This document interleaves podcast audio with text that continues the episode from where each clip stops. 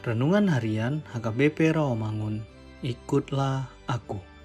Rabu, 22 September 2021. Dengan judul Menjadi layak di hadapan Allah dalam memberitakan firman. Bacaan kita untuk pagi ini tertulis dalam Pengkhotbah 5 ayat 1 sampai 19 dan bacaan kita untuk malam hari tertulis dalam Yohanes 8 ayat 21 sampai 38. Dan kebenaran firman Tuhan untuk kita pada hari ini tertulis dalam 2 Timotius 2 ayat 15 yang berbunyi Usahakanlah supaya engkau layak di hadapan Allah sebagai seorang pekerja yang tidak usah malu yang berterus terang memberitakan perkataan kebenaran itu.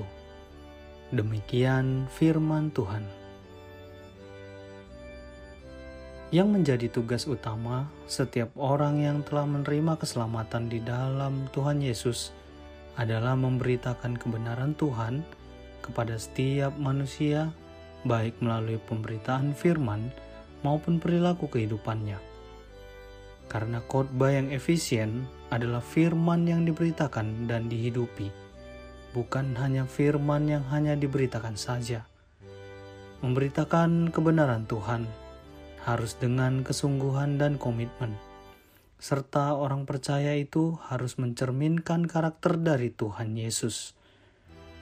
Rasul Paulus memberi nasihat kepada Timotius bagaimana cara melayani jemaat dengan benar, yakni pertama sekali harus hidup sesuai orang layak di hadapan Tuhan. Menjaga kelayakan diri di hadapan Allah menjadi pesan utama Rasul Paulus kepada Timotius, di mana Timotius juga harus selalu berterus terang memberitakan perkataan kebenaran itu. Memang setiap orang memiliki kekurangan, tetapi jika dia hidup dalam kebenaran Tuhan, maka kelemahan itu akan diminimalisir Rasul Paulus menekankan empat hal yang harus diwaspadai, yakni menghindari omong kosong, menjauhi nafsu orang muda, menghindari pertengkaran, dan berpegang pada kebenaran.